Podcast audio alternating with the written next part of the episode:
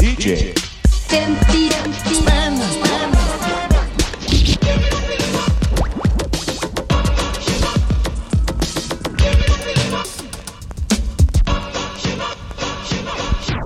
Det här är DJ 50 spänn. En hyllning till billig och lite illaluktande musik som man köper för kaffepengar på loppisen. Ja, eller skivbörsen om man är finsmakare. I varje avsnitt får en musikälskare 50 kronor av mig och ett uppdrag. Att köpa fem billiga loppmarknadsskivor för pengarna. Sen spelar vi dem och pratar om dem. Jag heter Tommy Jönsson och dagens DJ 50 spänn heter Tella Jonsson. Välkommen hit! Tack så mycket. Hörru du, eh, kan inte du presentera dig lite snabbt? Vad du gör när du inte köper billiga skivor på loppmarknaden? Eh, Då jobbar jag som journalist eh, på Sveriges Radio. Eh, Jag producerar program där och gör egna dokumentärer och reportage. Och eh, sen så håller jag på med musik själv också. Skriver och producerar och sjunger och spelar och så. Och lyssnar på massor med musik och gärna gammal musik. Du är sommarkorre också har jag förstått på Sveriges Radio. Ja, jag har varit det ett par år i rad nu. Eh, när, när de riktiga korrespondenterna åker på semester åker ju de hem till Sverige och då måste, måste någon annan vara där ute i världen och rapportera. Så då har jag gjort det. Mm. Eh, förra året var jag i, i Asien. Ehm, eh, Ganska stort ja, område. Ja, precis. Men jag, jag hade till och med ansvar både för Kina och för resten av Asien. Annars är de två som har det. Eh, men eh, det var jätte, jättekul. Eh, och nu i somras så var jag i, i Sydeuropa då. Eh, mestadels var jag i Madrid för det hände ganska mycket saker i Spanien. Och, ja. Mm. eh, så ett väldigt, väldigt eh, spännande och hektiskt jobb. Hinner du köpa några bäggade skivor när du är ute på fältet? I Thailand köpte jag faktiskt några loppisskivor. Eh, jag intervjuade en, eh, en fantastiskt rolig person som är en gammal så här, b- liksom B-filmsstjärna och eh, sångerska och lite så här Thailands Carla Bruni typ innan hon träffade presidenten i Frankrike. Så, Yuji heter hon, den här tjejen i Thailand. Eh, och hon är nu en så här djurrättsaktivist som eh, samlar in ödlor och reptiler och ormar och grejer som folk har släppt ut eh, och tar hand om dem. Jag träffade henne och såg sen hennes skiva på en loppis och var tvungen att köpa den. Eh, det var inte så bra men jättekul att ha. Okej, vad var det för stil? Eh, ja, alltså rockballader Okej. kan man säga. Fast jag tror inte att det var hon som hade bestämt att det skulle vara det. Utan hon sjöng jättefint men, men det, var, det var inte så intressant musik för mig. Mm. Hörru, jag har ju bjudit in dig hit för att eh, du outade dig som sån här uh, loppis-vinyl-shoppare för kanske ett år sedan eller någonting när jag letade efter såna i ett litet upprop på min uh, Facebook-vägg. Och det som jag tyckte var lite härligt var att du direkt också spesade vad det var du hade köpt precis nyligen. Grekisk progg Ja, och just det. moody blues. Mm. Moody Blues eh, var en sån där eh, skiva som jag... Eh, nu kommer jag inte ihåg vilka. Jag köpte nog flera Moody Blues-skivor faktiskt. Men det är ett sånt där band som jag har hört hos andra och hört på film och sådär men aldrig faktiskt ägt några skivor med. Och så hittade jag några stycken på typ Stadsmissionen någon gång eh, och slog till. Mm. Eh, och sen så var den här grekiska proggskivan, den har jag faktiskt inte hunnit lyssna på ännu. Den borde jag ju tagit med hit. Fast Vad var det för skulle man- någonting? Eh, alltså det var en massa progglåtar som de hade. De, man förstod att, de, att skivan hade gjorts. Det var någon gång på 70-talet liksom um, under eh, militärdiktaturen där. ehm, det var lite protestsånger men också handlade de väldigt mycket om ehm, emigranter som, som flyttade från Grekland för att arbeta i andra europeiska länder och sådär. Eh, och det som var så intressant tyckte jag med att hitta den nu var att det kändes som att den handlade om Grekland nu. Aha. Mm. Ehm, och eh, gud, jag har glömt den skivan. Jag måste lyssna på den när Mm. jag kommer hem. Mm. Hur mycket här, begagnade skivor brukar du köpa egentligen?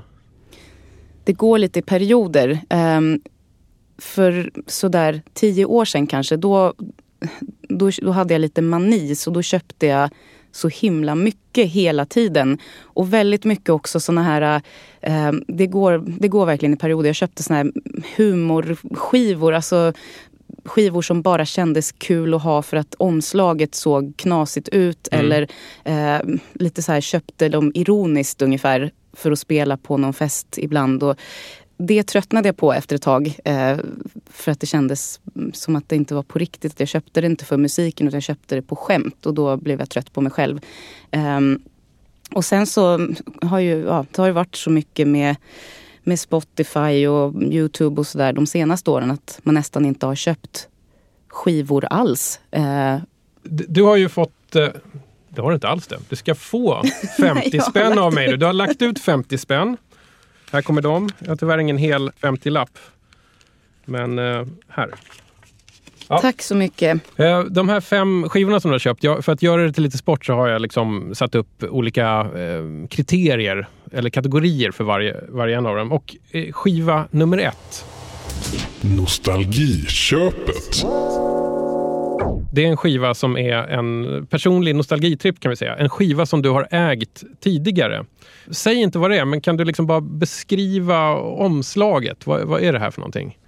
Omslaget är eh, grönt, orange, svart och vitt. Det är lite eh, afrikanska mönster skulle jag säga. Eh, fast i liksom eh, så här, snygg grafisk form. Ehm, i någon slags tidig 90-tals Ja, det är, ju det, det är ju det det är. Um, den är från 1990 tror jag den här låten och uh, jag, jag tror den aldrig kommer bli gammal faktiskt.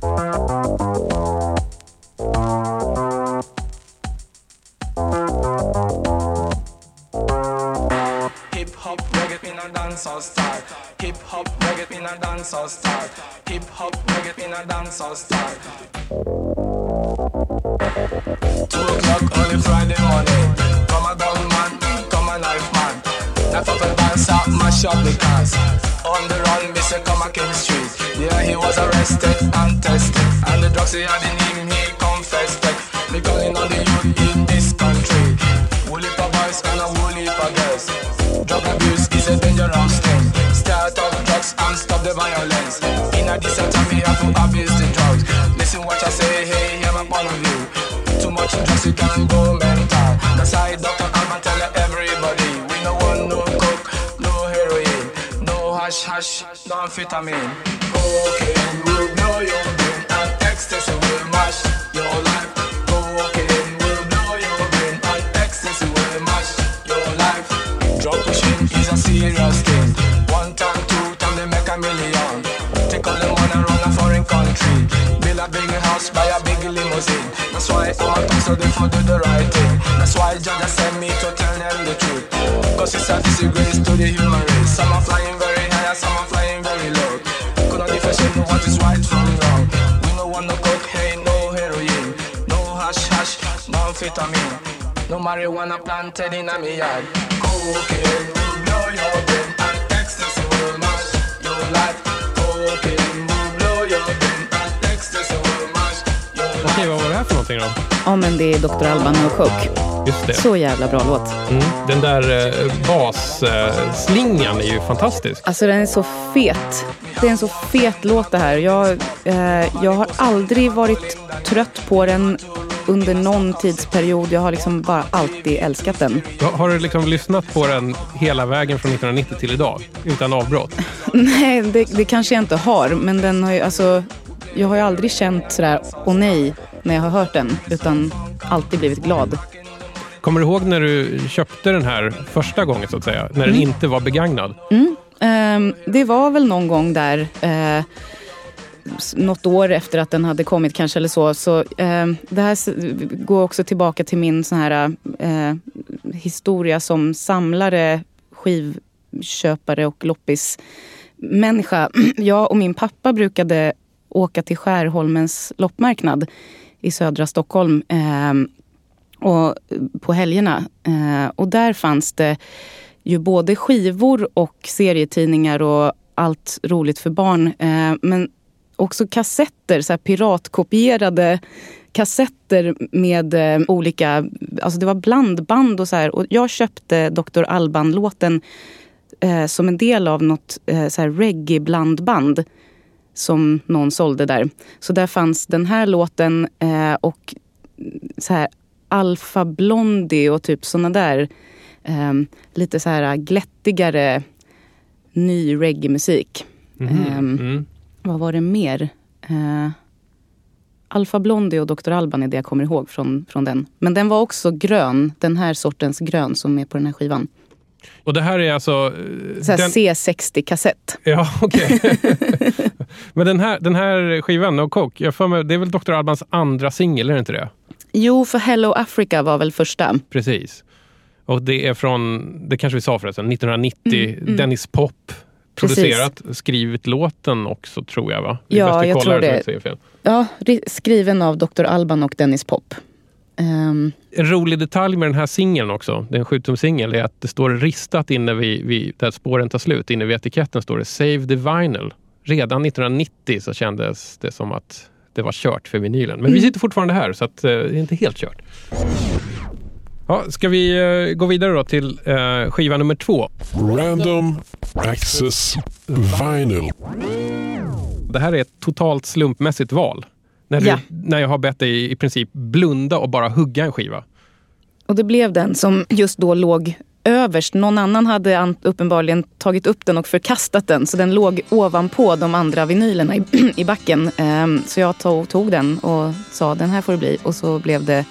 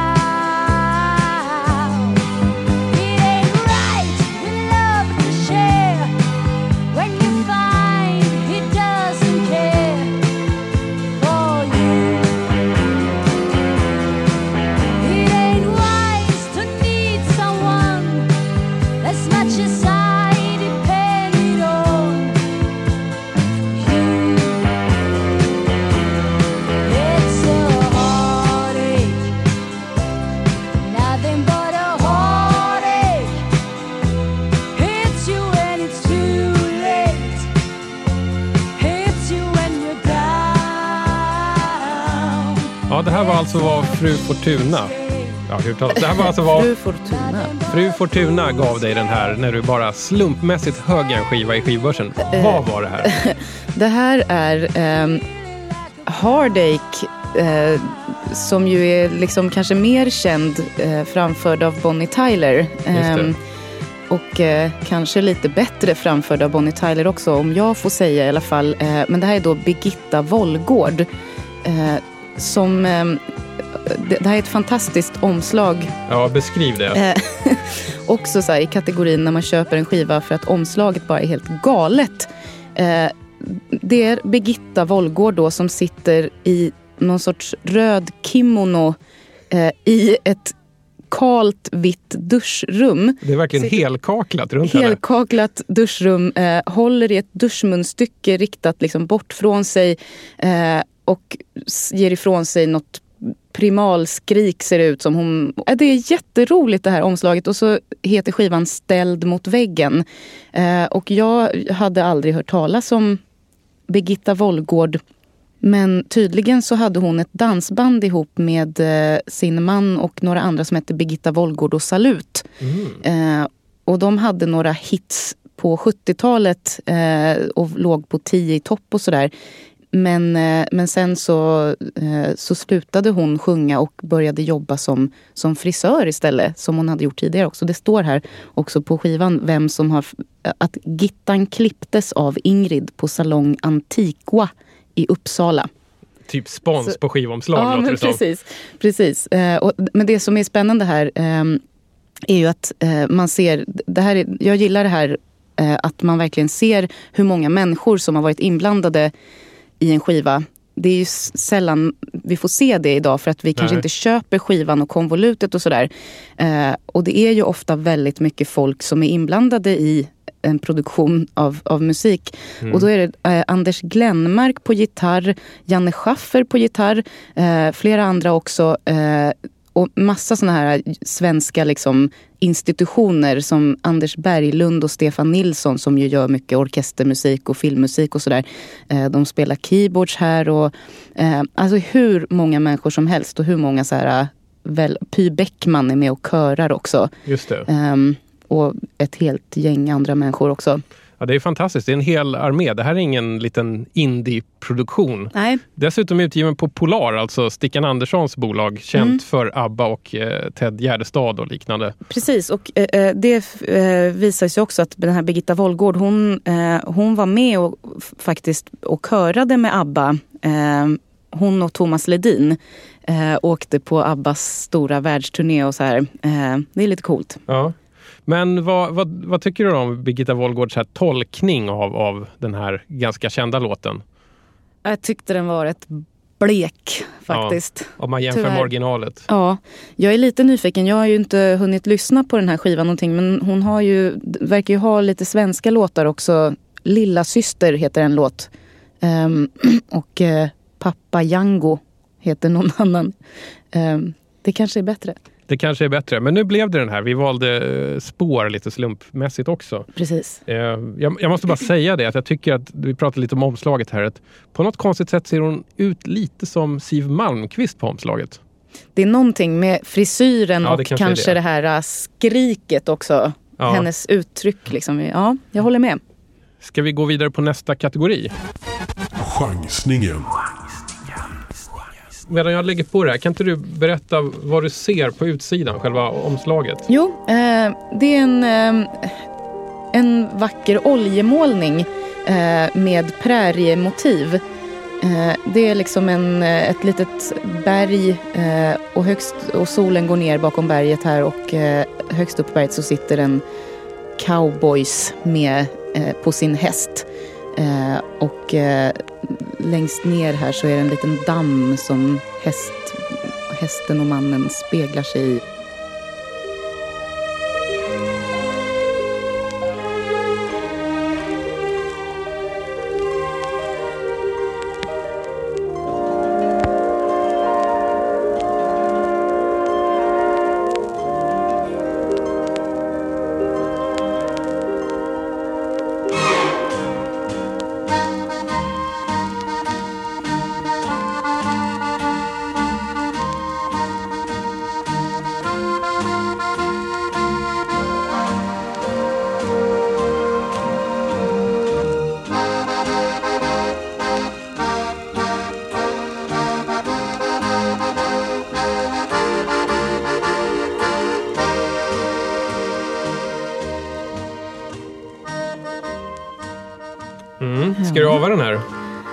Eh, det här var då eh, The Melacrino Strings eh, och låten Cool Water från skivan Cool Water and Other Songs of the West.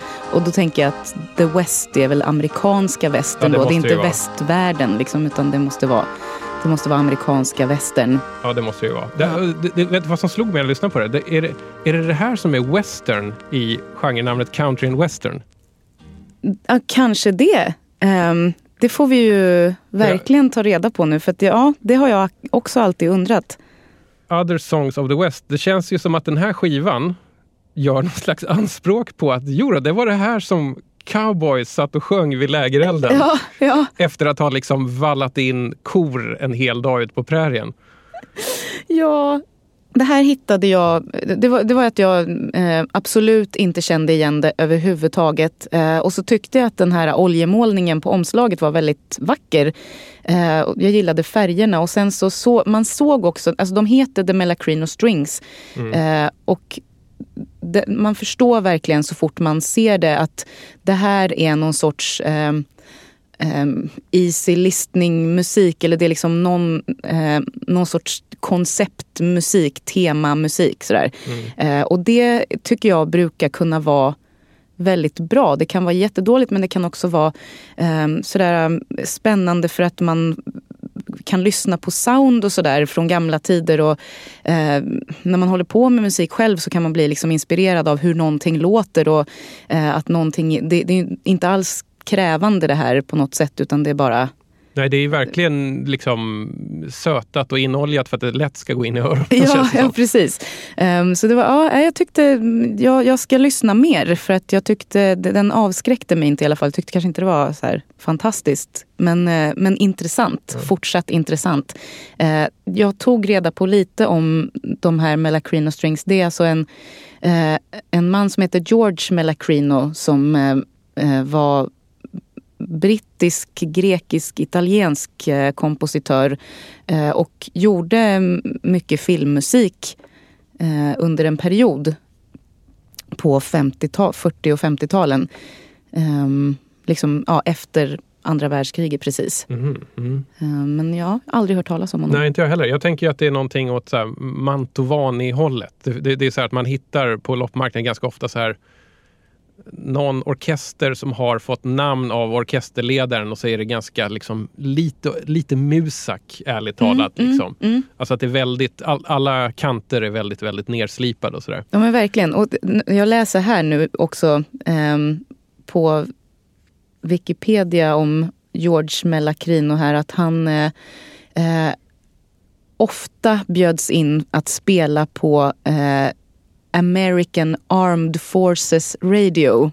Mm. Eh, det är ju spännande för då är det också sådär, man förstår det är liksom beställd musik för att få soldaterna att må bra och sådär. Mm. Höja moralen Ja, helt enkelt. precis, precis. Ja. Det slår mig lite att det här omslaget, den här, fin- den här oljemålningen av en cowboy i solnedgången, det får mig faktiskt lite tänka på en, en skiva som Ween. Kommer du, minns du Ween? Nej. Ett eh, amerikanskt eh, haschigt eh, band med dragning åt absurd humor.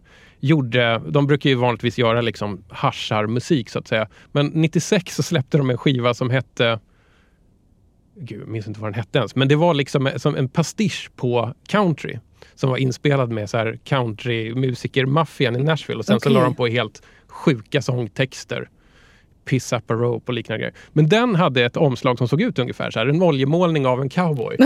Och det här, det här var kanske det på, på Det här var på blodigt riktigt, allvar. ja. Ja.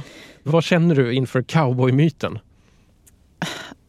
Ganska lite faktiskt. Jag har nog aldrig, jag har nog aldrig, eh, jag har aldrig varit särskilt eh, liksom attraherad av den överhuvudtaget. Jag har aldrig tittat på cowboyfilmer eller sådär. Jag, nej, det är ingen större relation. Mm. Jag tror det var därför också som jag tyckte det här var extra sådär, Mm. o, det var bara helt okänt och det kändes sådär, jag kunde inte riktigt säga någonting om det jag såg. Jag, jag, jag känner mig lite mättad på country, men det här som var innan country. När cowboys joddlade vid Ja. till exempel. Det känner jag mig väldigt sugen på. Så jag, jag skulle gärna lyssna mer på liksom western, proto-country. Sånt som är liksom inte i modern tid utan liksom på den tiden då, då man var hästburen. Precis. Ja, där har vi något då. Men allt det där går väl tillbaka på att jag läste för mycket Lucky Luke-album när jag var liten. Ah, Okej. Vi eh, lämnar hästryggen då eh, och går på eh, skiva nummer fyra. Skivbörsklassikern. Det vill säga en sån här skiva som man alltid, alltid ser i 10 kronors backen på loppisar och skivbörsar. Alltså jag undrar om den här egentligen verkligen kvalar in där. Det här är ändå liksom riktig kvalitet, så känner jag. Liksom. Okej. Men det behöver ju inte egentligen vara motsatser. Nej, det Eh, behöver och det jag inte har vara. ju sett den flera Mm. gånger, så att, men ja, mm, Vi lyssnar. vi kör. Well, I'm gonna get a job cause I need the bread, but somehow I know it's gonna affect my head. What a bath and dresses and a fancy car, so I better go out looking for my lucky star.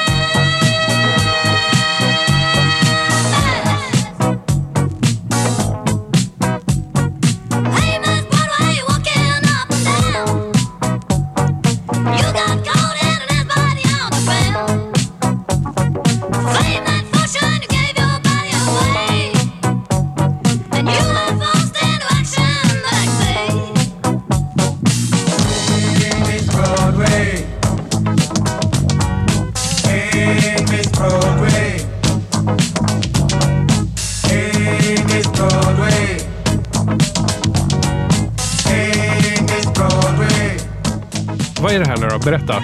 Det här är Miss Broadway med Belle Epoque. Som, det var ett eh, fransk-amerikanskt eh, discoprojekt. Eh, den här är från 77 eh, och den var en stor hit på Studio 54 och sådana där discoställen.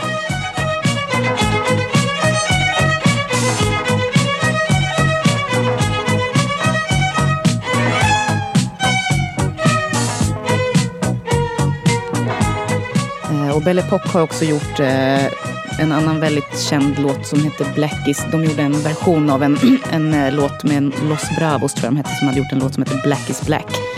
I want my baby back. Och den gjorde Belle Époque väldigt stor också under den här tiden.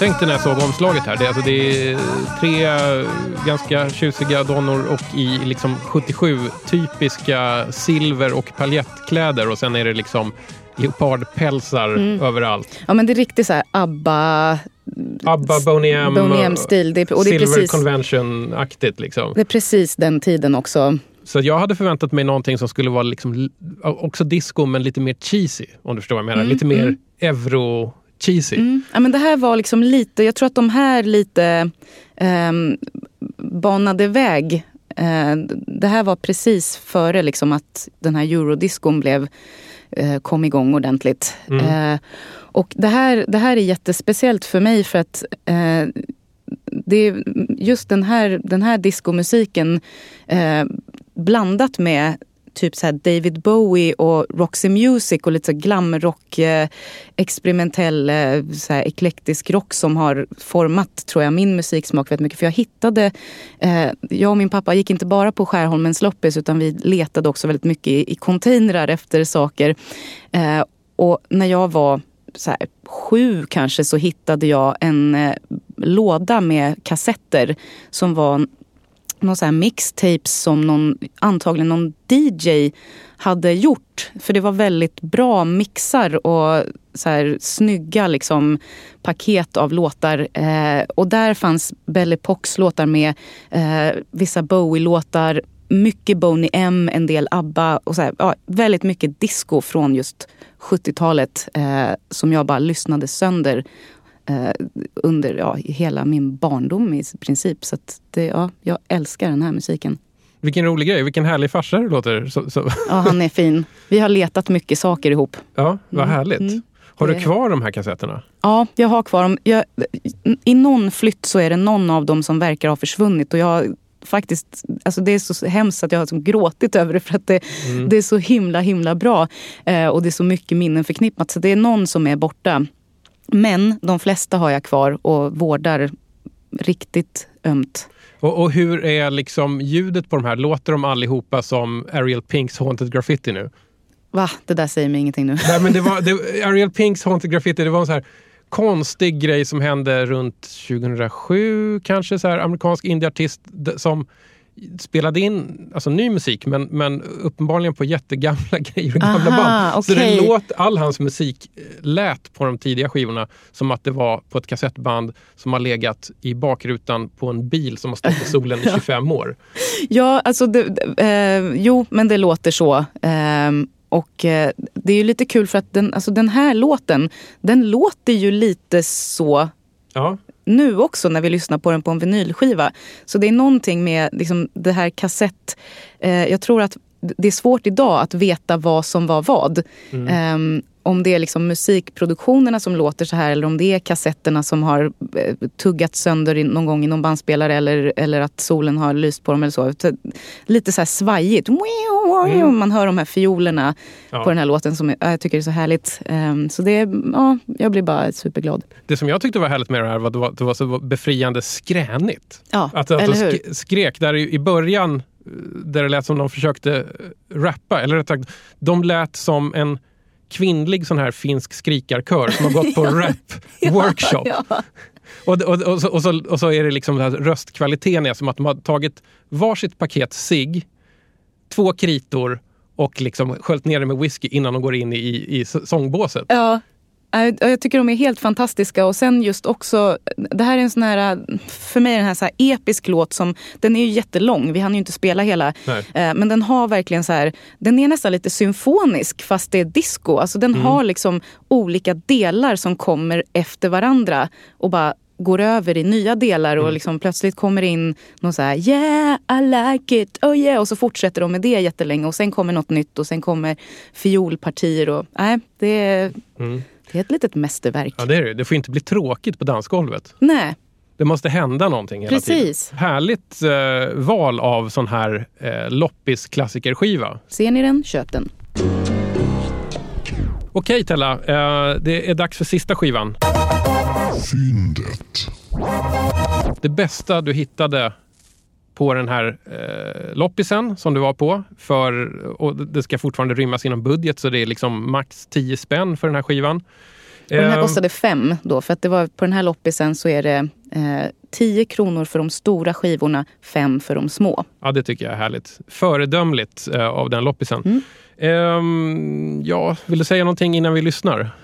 Eh, jag kan säga att eh, det här blev en väldigt glad överraskning för mig. För jag trodde att det var någonting annat när jag köpte den. Och sen så visade det sig att det var det här. Och så bara, ja men just det, men gud. Så att nu, ja, väldigt rolig överraskning. See the fire in the sky. We feel the beating of our hearts together.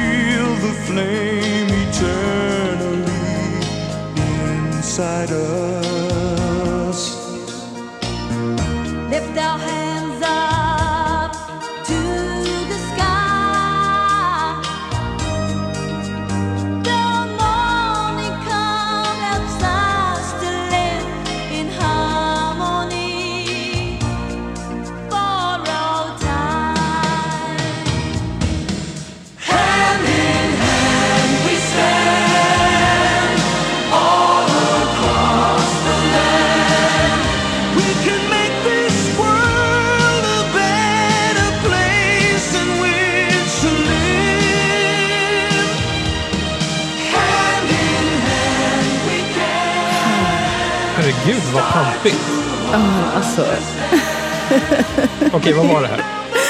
det här är låten Hand in Hand som var invigningslåt till sommar-OS 1988 i Seoul i Sydkorea.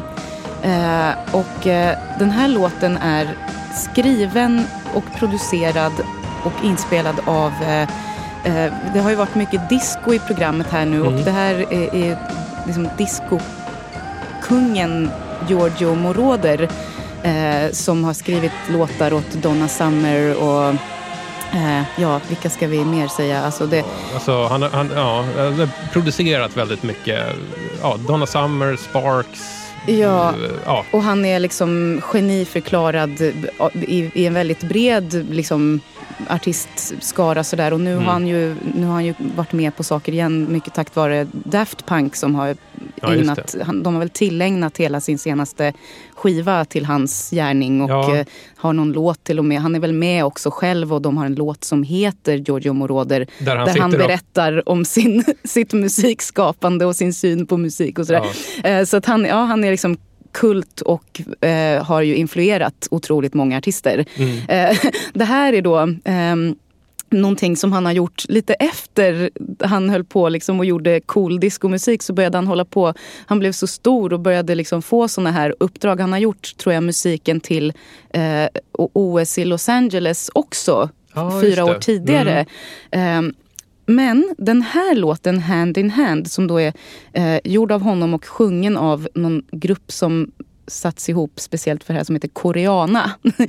eh, den, jag hittade den här skivan i skivbacken och eh, tyckte det var spännande att det var OS-låt av Giorgio Moroder men jag kopplade verkligen inte ihop låten med eh, vad jag såg. Eh, jag har ju sjungit den här låten i skolan för jag gick i Röda Bergsskolan i eh, i Stockholm eh, när jag var barn. Och det, var en så här, det var en internationell skola där barn, dels barn från kvarteren runt omkring Norrtull, jag var ett av dem, blandades med eh, barn från hela världen. Det var liksom både flyktingbarn eh, och barn till gästforskare och diplomater och sådär. Så det var en väldig blandning av människor. Hand in Eh, hand-skolan. Det var en hand-in-hand-skola eh, och vi sjöng den här låten i skolan. Vi sjöng We are the world på liksom alla stora samlingar och sådär. Eh, så att jag har ju liksom... jag har massa minnen till den eh, och jag, jag hade inget minne av att det också var OS-låten. Men jag minns ju OS i Seoul. Eh, Så det var ju väldigt konstigt. Så det var en, jag blev så himla glad när jag fattade att det var den låten. Mm. Och den är ju, alltså jag vet inte vad man ska säga. Jag tycker den är fantastisk för den är så pampig och den är så otroligt sådär äh, bara eh, översentimental och alltså precis som We Are The World också som jag Ja. också tycker väldigt mycket om. Det var också, det var det är ju samma tid som de låtarna. Mm. Det är ett super-anthem, Yes. som det kunde låta på 80-talet. Ja, Men det, det, alltså det här, är- jag tycker att det är så roligt att tänka på. Alltså den, den sena Giorgio Moroder. Ju, ju längre 80-talet gick, desto mer Disney och fanfarer ja. blev det. Ja, men- alltså jag tror att han producerade också till exempel Berlins Take My Breath Away Det- i låten to- Top Gun. mycket sannolikt. Och det, och det är också inte. samma sak, att det, då är det liksom att det här som han uppfann, alltså någonting som lät liksom mer maskinellt och effektivt på dansgolvet än kraftverk. Mm. Alltså det han gjorde med Donna Summer. Det var liksom så att han bara, ja, ja nu har jag gjort det där, nu, nu, nu ska jag liksom bli här, eh, den som skriver liksom hymnen för, För hela, hela, planeten. mänskligheten. ja. Och här har vi den, hand in hand. Men eh, du frågade under låten här hur det Mm. var med, eh, med OS 88. För att det. eh, i OS 84 så var det många länder som... Alltså hela OS-historien har ju eh, liksom kantats av skandaler och bojkotter och Ja. sådär som har gällt internationell politik.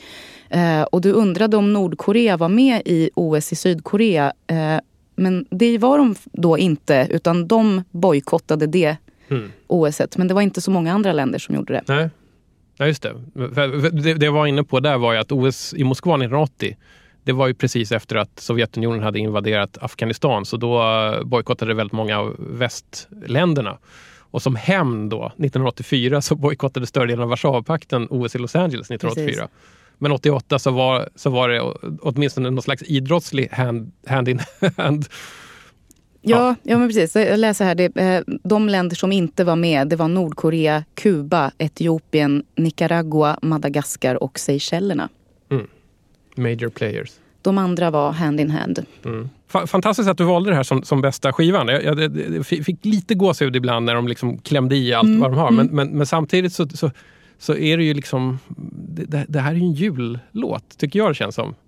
Fast du, du håller inte med mig? Nej, verkligen inte. Det här är liksom, det här är ena världen-låten för mig. Men, men eh, jag läste nu på lite eh, om den och då blev jag väldigt upprörd när jag fick veta att dans, svenska dansbandet V6 tydligen har gjort någon svensk cover på Hand in Hand som, som heter just Jul i Vinterland.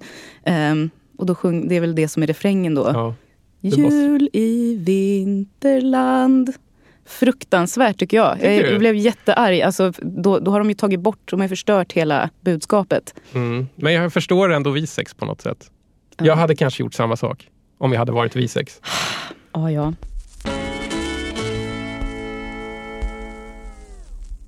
Tella, tack för att du kom hit och var DJ 50 spänn idag. Tack snälla för att jag fick komma hit. Hur kändes det? Eh, det gick för fort och det var för få låtar som vi hann med. Men eh, annars var det jättekul. Och för att inte du ska behöva gå helt tomhänt i öronen härifrån så kommer jag att ge dig en outro-låt. Okej. Är det James Last? Mm.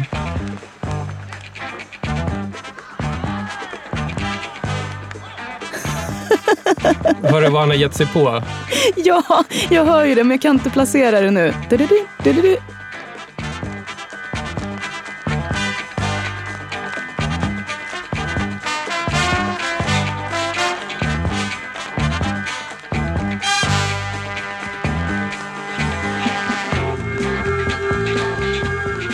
är, det, är det käft? Åh gud. Tack Tommy. Varsågod.